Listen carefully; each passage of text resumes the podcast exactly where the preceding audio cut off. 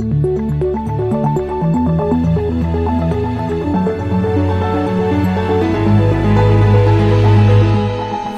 This Morning.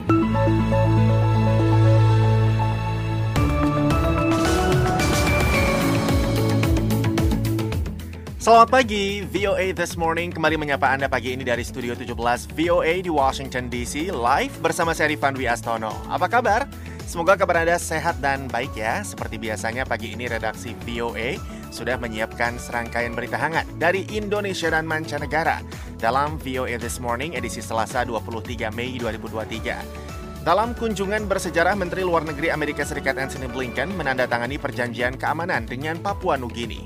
We are deeply invested in the Indo-Pacific Kami banyak berinvestasi di Indo-Pasifik karena masa depan planet kita bergantung pada apa yang terjadi di sini. Nelayan tradisional di kawasan Laut Timor di perbatasan NTT dan Australia meminta perlindungan lebih karena tradisi melaut berbenturan dengan kesepakatan perbatasan. NTT bagian selatan yang berbatasan dengan Australia itu, itu operasi tangkap yang dilakukan nelayan itu, itu bukan baru pertama itu Pak, itu sudah memang sejak dahulu, itu memang wilayah tangkap kita itu di area itu.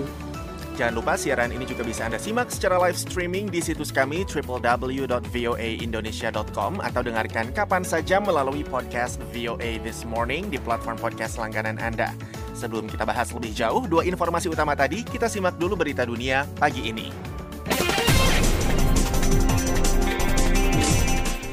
Inilah berita dunia VOA Washington. Senator Amerika Serikat Tim Scott dari South Carolina, satu-satunya senator kulit hitam dari fraksi Republik, mengumumkan pencapresannya hari Senin.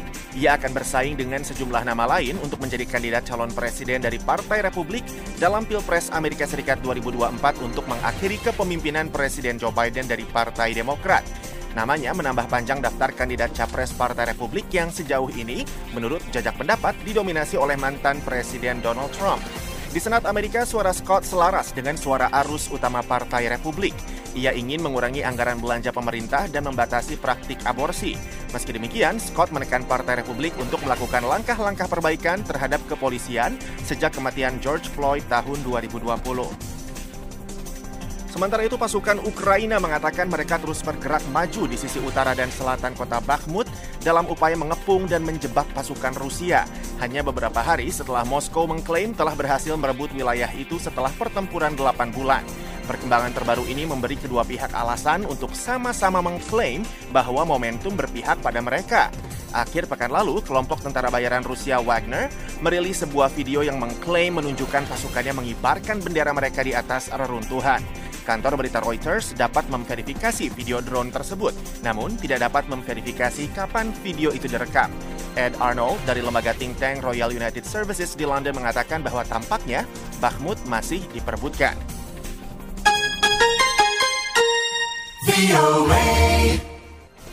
Perdana Menteri Armenia Nikol Pashinyan mengatakan pada hari Senin bahwa negaranya siap mengakui Nagorno-Karabakh sebagai bagian dari Azerbaijan, asalkan keamanan masyarakat etnis Armenia terjamin. Pashinyan juga mengatakan penarikan diri Armenia dari CSTO atau Organisasi Pakta Keamanan Kolektif yang didominasi Rusia masih dalam agenda. Ես չեմ բացառում, որ Հայաստանի Հանրապետությունը կարող է դե յուրե որոշում կայացնել հապկում անդամությունը դադարեցնել saya tidak mengesampingkan kemungkinan bahwa Republik Armenia akan secara de jure memutuskan untuk mengakhiri atau membekukan keanggotaannya dalam CSTO, kata Pashinyan. Pashinyan telah berulang kali mengkritik apa yang disebutnya sebagai kegagalan CSTO melindungi Armenia sebagai anggota di tengah kebuntuan dengan Azerbaijan terkait isu Nagorno-Karabakh. Ketegangan antara Armenia dan Azerbaijan melonjak Desember lalu ketika para pengunjuk rasa Azerbaijan yang mengklaim sebagai aktivis lingkungan memblokade rute Lashin, jalan utama yang menghubungkan Armenia dan Nagorno-Karabakh, sehingga menyebabkan 120 ribu penduduk Armenia kekurangan pasokan pangan dan kebutuhan dasar lainnya. Kita beralih ke Asia Tenggara. Anggota koalisi 8 partai Thailand yang memenangkan mayoritas kursi pada pemilihan umum 14 Mei lalu telah secara resmi setuju untuk bekerja sama. Mereka membeberkan sejumlah kebijakan baru untuk memimpin pemerintahan berikutnya. Dipimpin Partai Move Forward MFP alias Partai Bergerak Maju, kedelapan partai menandatangani nota kesepahaman yang terdiri dari hampir dua lusin syarat dan ketentuan yang akan mereka patuhi, termasuk tim-tim yang akan mengatasi perselisihan di antara partai-partai. MOU itu menyatakan bahwa semua partai sepakat untuk tidak mengotak-atik status Thailand sebagai sebuah negara demokrasi di bawah monarki konstitusional maupun mengotak-atik status kerajaan itu sendiri. Tercakup dalam daftar 23 kebijakan itu, antara lain fokus untuk memulihkan demokrasi dan rancangan konstitusi baru, meloloskan RUU kesetaraan pernikahan, reformasi kepolisian, militer, dan proses peradilan, membangkitkan perekonomian, serta pemberantasan korupsi. Sementara itu, Stasiun Luar Angkasa Internasional atau ISS menyambut kedatangan dua tamu asal Arab Saudi hari Senin, termasuk astronot perempuan pertama kerajaan itu.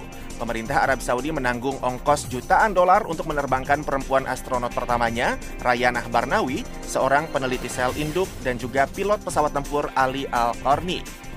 So, greetings from outer space. Um, I'm here not only representing myself, but representing the hopes and dreams of everyone. Saya di sini tidak hanya mewakili diri saya sendiri, tetapi juga harapan dan impian semua orang di negara saya, semua orang di kawasan. Kami di sini berkumpul dengan berbagai budaya dan kolaborasi internasional ini. Ini menunjukkan betapa antariksa mempersatukan semua orang, kata Rayana pada acara penyambutan di ISS. Penerbangan sewaan SpaceX yang ditumpangi kedua astronot Saudi dan dua astronot lainnya itu tiba di laboratorium antariksa ISS kurang dari 16 jam setelah meluncur dari Florida. Keempat tamu akan berada di ISS selama seminggu lebih sebelum kembali ke bumi. Demikian berita dunia VOA Washington.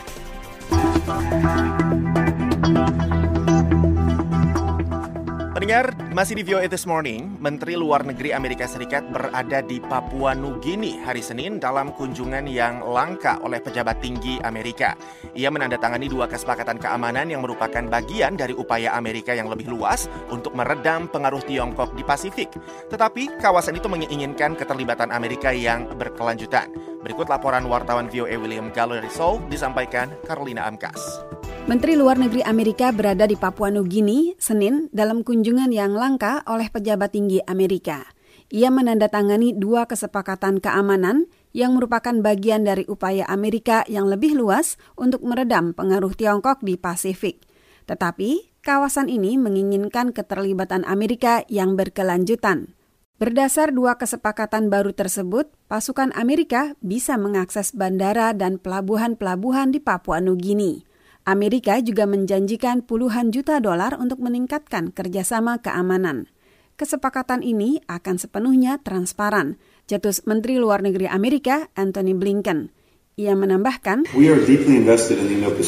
Kami banyak berinvestasi di Indo-Pasifik karena masa depan planet kita bergantung pada apa yang terjadi di sini. Papua Nugini berperan penting dalam membentuk masa depan kita. Kunjungan Blinken adalah upaya terbaru Amerika untuk menunjukkan komitmennya terhadap wilayah di mana pengaruh Tiongkok semakin berkembang. Tetapi suasana kunjungan itu suram. Joe Biden seharusnya melawat ke Papua Nugini, lawatan pertama Presiden Amerika yang sedang menjabat. Ia juga akan ke Sydney. Namun, ia mempersingkat lawatan untuk menangani perundingan tentang menaikkan plafon utang Amerika. Ini adalah kekecewaan besar, kata analis Joe Siracusa, dekan Global Futures, Curtin University di Australia. Nobody in the world of diplomacy likes to be overlooked. Tidak ada orang di dunia diplomasi yang senang diabaikan. Dan fakta bahwa negara-negara ini membutuhkan waktu sekitar enam bulan untuk mempersiapkan kunjungan presiden, ini hal besar. Papua Nugini telah mengumumkan libur nasional untuk kunjungan Biden. Nyatanya, negara itu menyambut kepala negara-kepala negara lain pada Senin. Pejabat Gedung Putih John Kirby mengatakan kepada VOA pekan lalu bahwa lawatan Biden ke Papua Nugini akan dijadwalkan ulang. Namun, bagi banyak pihak di kawasan itu, kekhawatiran terbesar adalah apakah kekacauan politik di dalam negeri akan menghambat fokus Amerika yang berkelanjutan di Asia. Banyak juga yang cemas akan pendekatan yang terlalu mengandalkan militer ke wilayah tersebut. Namun, Senin dengan kehadiran Blinken, pejabat Papua Nugini memuji kesepakatan dengan Amerika dan mengatakan bahwa itu akan meningkatkan pertahanan nasional mereka dalam dunia yang semakin tidak pasti.